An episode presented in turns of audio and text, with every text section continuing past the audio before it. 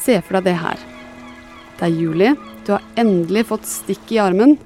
Sola skinner, og du sitter tett i tett med gode venner på stranda. En øl har aldri smakt så godt. Endelig er ting ganske normalt igjen. Dette er sommeren vi alle har ventet på. Sommeren 2022. Jeg tror at uh, det er for mange som har for store forhåpninger for hva de kan gjøre til sommeren, og det er en fare for at vi kan få en ny smittespredning til høsten. Og ifølge FHI så kan vi måtte leve med restriksjoner i enda ett år.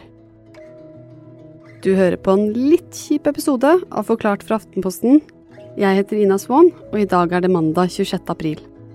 Men du, hold ut, for det er lys i enden av tunnelen.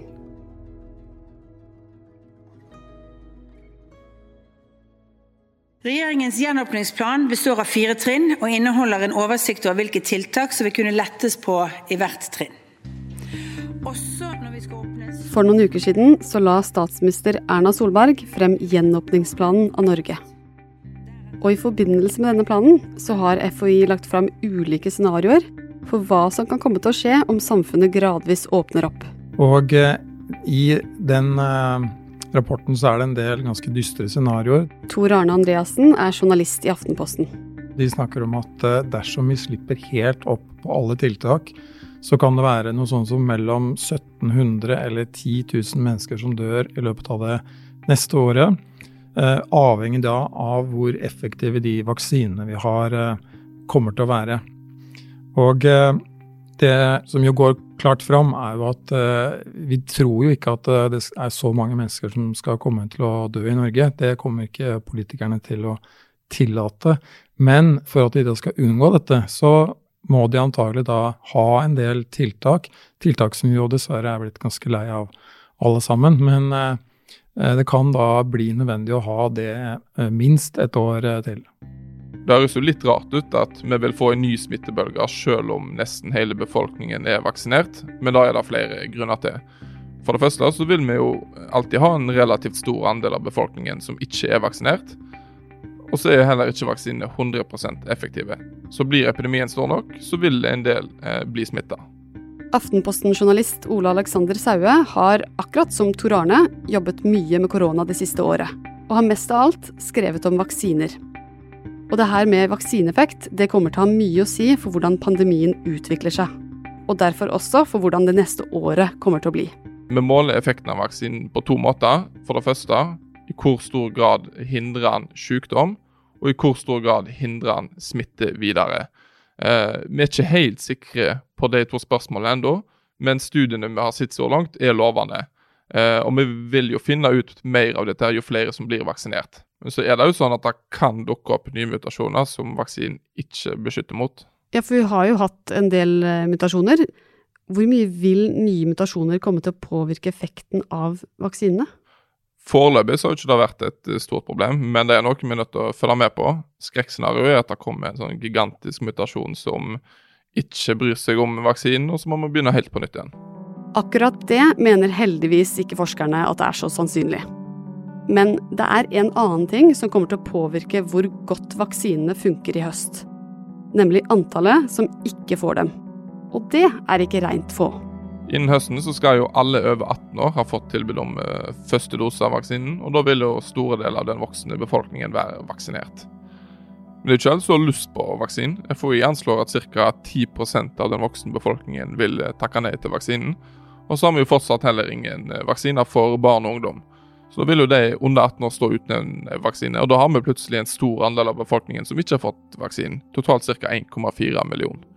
Og hvis vi åpner opp da med nesten 1,5 million uten vaksinen, så vil jo viruset i større eller mindre grad leve videre, fordi vi tross alt har en god del som eh, er mottakelig for viruset. Ja, så det ser altså litt dårlig ut for men vi lovet deg jo litt lys i enden av tunnelen. Fordi at to vaksiner er stoppa inntil videre, og vaksineringsprosessen er forsinka, det kan faktisk være en god ting.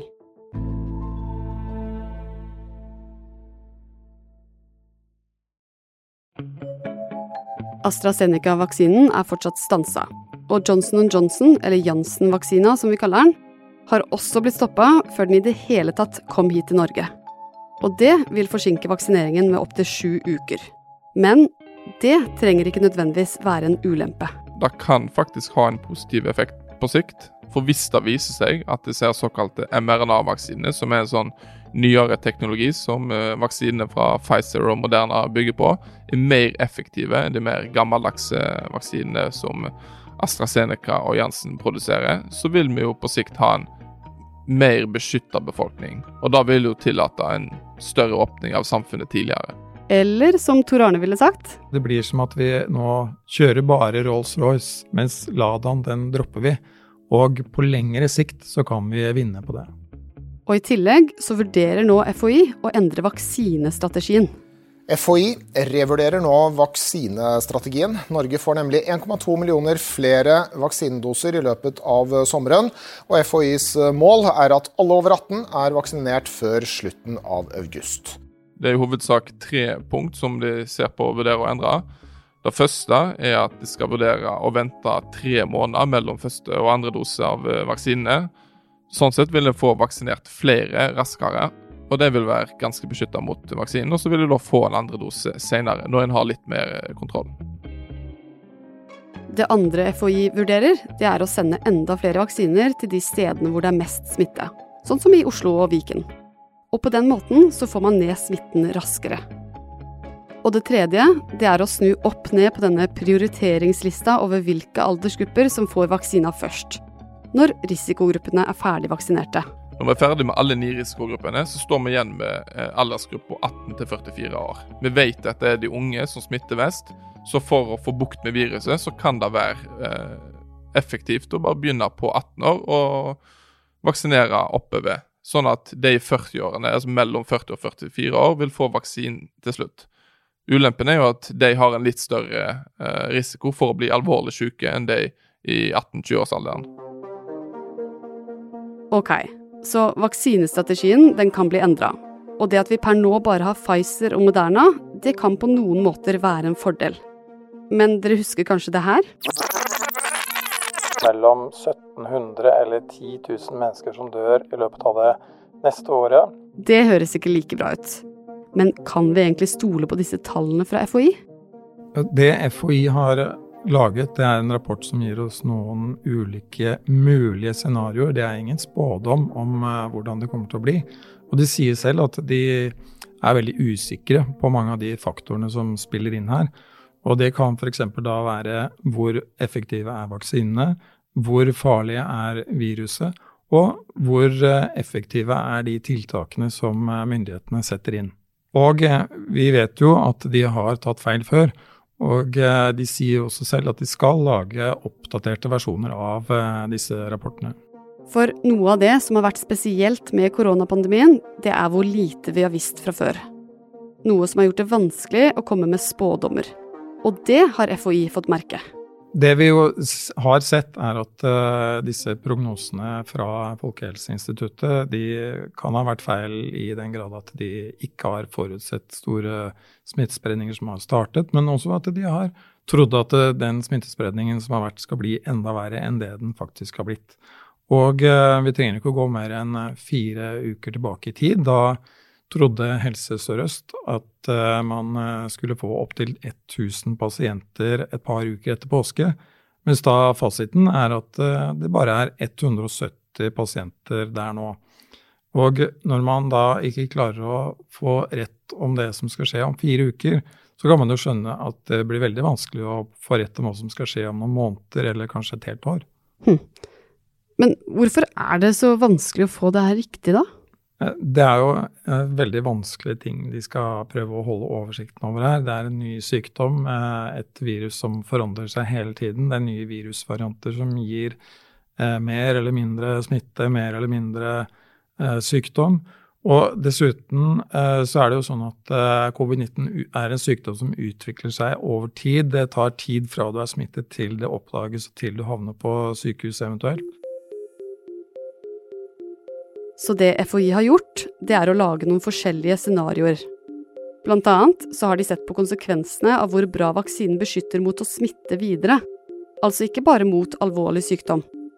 Hva vil f.eks. skje om vaksinen beskytter veldig bra mot videre smitte? Vaksinen beskytter litt mot videre smitte? Eller om vaksinen ikke beskytter mot videre smitte i det hele tatt? Det mest alvorlige scenarioet er at opptil 10 000 mennesker kan eh, komme til å dø. Men det er nokså usannsynlig. For forskningen den viser så langt at disse vaksinene gir god beskyttelse mot videre smitte. Og det andre scenarioet, som de kaller nøkternt, er hvis vaksinen gir 40% beskyttelse mot videre smitte. Da mener de at 5600 kan dø innen mars neste år. Det også kan synes å være et, eh, et heller mer eh, dystert eh, scenario enn nøkternt. Det tredje scenarioet de har regnet på, er at disse vaksinene skal gi oss 80% beskyttelse mot videre smitte. Og hvis man ser på de studiene som er gjort av de vaksinene som vi bruker i Norge i dag, så er det jo ting som tyder på at de kan gi 90 eh, beskyttelse. Så selv det eh, mer optimistiske scenarioet som eh, FHI har, hvor opptil 1780 kan dø, det er kanskje også for eh, pessimistisk. Så, og, og, det de da også ser i eh, sine rapporter, er jo det at det, eh, når man er på det nivået, så er det da ikke så strenge tiltak som må settes inn for at man skal da redusere sykelighet og død ganske mye. Ok, med alt det her i bakhodet, hvor sannsynlig er det med ny smittebølge? Det er sannsynlig at vi får en eh, smittebølge til høsten. Spørsmålet er bare hvor stor den blir. Eh, FHI poengterer jo det at det kommer til å være mange som ikke kommer til å være vaksinert til høsten. Opptil 1,5 millioner mennesker. Og hvis vi slipper opp på alle tiltak, så kan det da komme en stor smittespredning blant dem. Så hvordan kommer egentlig det neste året til å se ut? Altså, hvilke konkrete tiltak kan vi måtte leve med?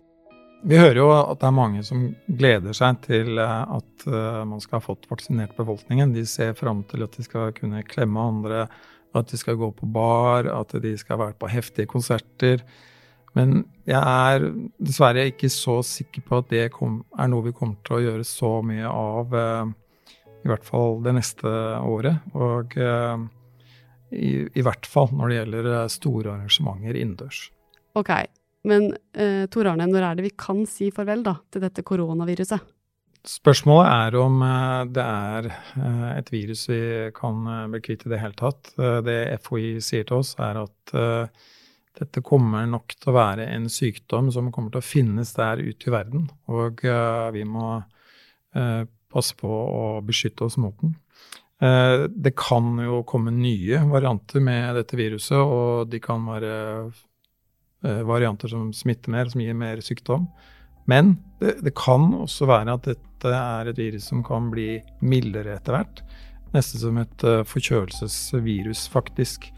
Og det hadde jo vært et best case-scenario.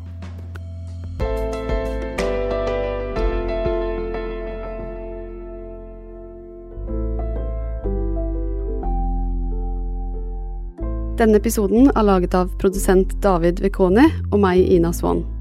Resten av Forklart er Caroline Fossland, Anne Lindholm, Marit Eriksdatter Gjelland og Fride Nesten Onsdag. Du har hørt lyd fra NRK og regjeringen.no.